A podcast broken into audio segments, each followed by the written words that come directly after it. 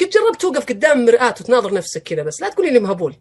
لا بس انظر نفسك في المرآة. ويا أخي شوف يعني أنت وش الصح وش الغلط؟ وسولف سولف مع نفسك سولف مع نفسك. ليش أسولف مع نفسي؟ لأنك ما تعرف نفسك أصلا. ولأن نفسك ليست واحدة. أليس الإنسان يقول أحيانا جلست مع نفسي؟ قال لي قلبي. إيش اللي قال لي وجلست مع نفسي؟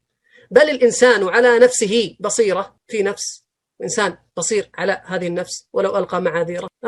قد أفلح مذكر من زكاها مؤنث في في اثنين. يحول بين المرء وقلبه. في ماني بواحد أنا. لذلك ويليام جيمس لما سألوه قالوا آه إذا التقى اثنان فكم؟ إذا اثنين تقابلوا كم واحد يصيرون؟ قال فهما ستة. قالوا كيف ستة؟ قال هو كما ينظر إلى نفسه وهو كما ينظر إليه الآخر وهو كما هي حقيقته. وأنت كما تنظر إلى نفسك وأنت كما أنظر أنا إليك وأنت كما هي حقيقتك. فثلاثة مع ثلاثة ستة. اجلس مع نفسك. ماذا تعرف عن نفسك؟ وماذا يقول الآخرون عنك؟ وأين الحقيقة؟ إحنا في زمن غياب الوعي عن الذات.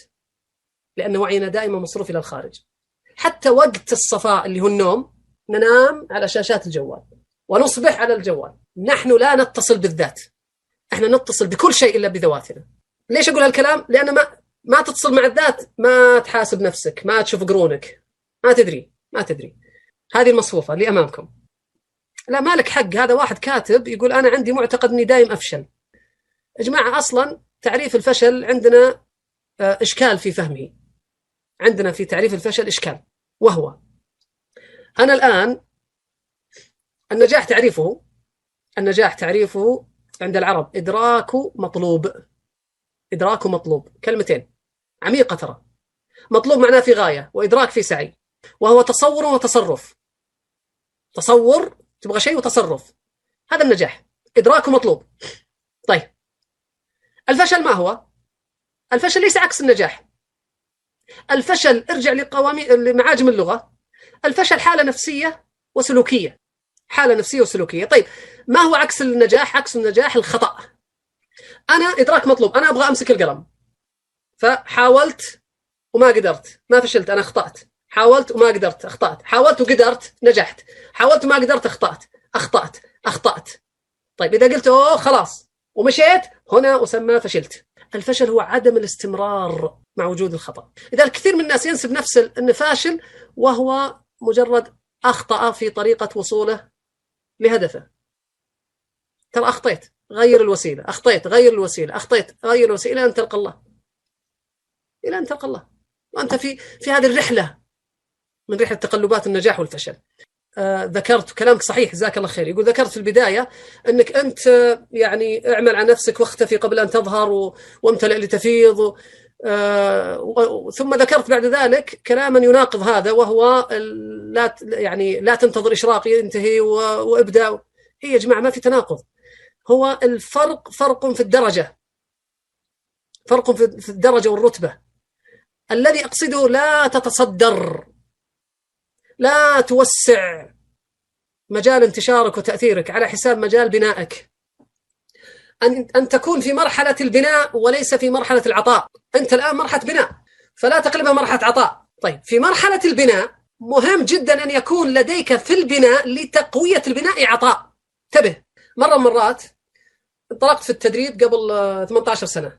وكان أول ما في social media ولا شيء كان في إعلانات بال, بال بالبروشورات في الجرايد الورقية. فغبت فترة توقفت عن التدريب فاتصل علي أحد المشايخ جزاه الله خير قال لي ياسر ودي أشوفك جلست أنا وياه قال لي ياسر إيش فيك؟ أنا بالعادة أشوف إعلاناتك في الجرايد عن الدورات، أنا اللي ملاحظ إنك السنة هذه ما في إعلانات، فقلت له والله يا شيخ أنا بضاعتي مزجاة فأردت أن أوفي لها الكيل وإني أوقف من أجل البناء، خلاص ما أبغى عطاء، أبغى أوقف من أجل البناء، وبررت له خلال ربع ساعة من الكلام أهمية البناء وأهمية وأهمية وأهمية قبل أن يخرج الإنسان. كبسني على كتفي كبسة واحدة بس قال لي ياسر من توقف عن العطاء توقف عن الطلب اسمعني بقلبك من توقف عن العطاء توقف عن الطلب بمعنى الآن لو قلت لك أبغاك تقرأ لي كتاب وبعد ثلاثة أيام ستلقي فيه محاضرة فإنك ستكون نهما في قراءته ولن يصرفك عن قراءة الشيء لأن عندك منصة عطاء هناك. فكان عطاؤك بناء كما كان تحصيل النووي تأليف.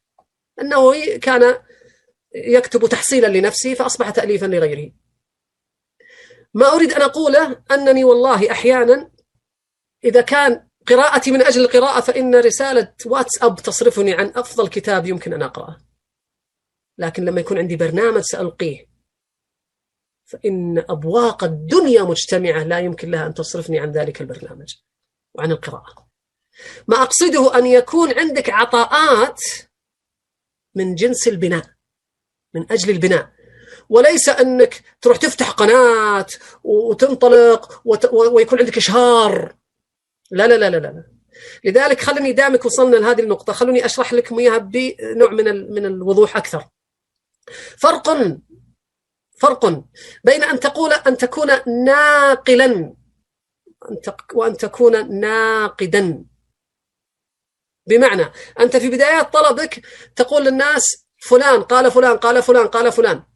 بس ما ما ينبغي لك في رحلة العلم أن تقول ووجهة نظري كذا وكذا وكذا. ونموذجي وفكرتي واعتقادي. أنت في البداية ناقل لا ناقد. هذا هذا يجري على الجميع. هذا واحد. اثنين أن تدرس ولا تفتي. يعني ممكن تشرح لحد تقول بس ما تفتي. ممكن تنقل للناس فوائد بس ما تفتي. والله ما تفتي. هذا لا يعني هذا لا يعني أنك ما عندك عطاءات. هذه عطاءات. هذه عطاءات. اثنين أن تكون مجموعات صغيرة مغلقة لا كبيرة مفتوحة. يعني بتسوي لك محاضرة أو لقاء ما تروح تعلن وإعلان ومفتوح ومجموعات كبيرة لأن الخطأ في هذه الفضاءات الكبيرة قد يؤذيك كثيرا والناس لا ترحم وذائقتها عالية جدا ولا تقبل أي شيء. لكني أنا أمتن مهاراتي بلقاءات صغيرة أقدم فيها الهدف ليس العطاء وإنما الهدف التمك التمكين. الهدف التمكين. لذلك آه، أبو الأسود الدؤلي كان يوصي طلابه يوصي طلابه أن يمتنوا معارفهم بالتدريس. بالتدريس. لذلك كثير ما كان يتردد على السلف أنك لا تستطيع أن تدرك العلم إلا إذا إلا إذا علمته ثم عملت به ثم علمته ثم صنفت فيه. اذا جزء من من تعليمك للعلم هو جزء من من بنائك لذاتك. أن يكون عندك هذا البناء.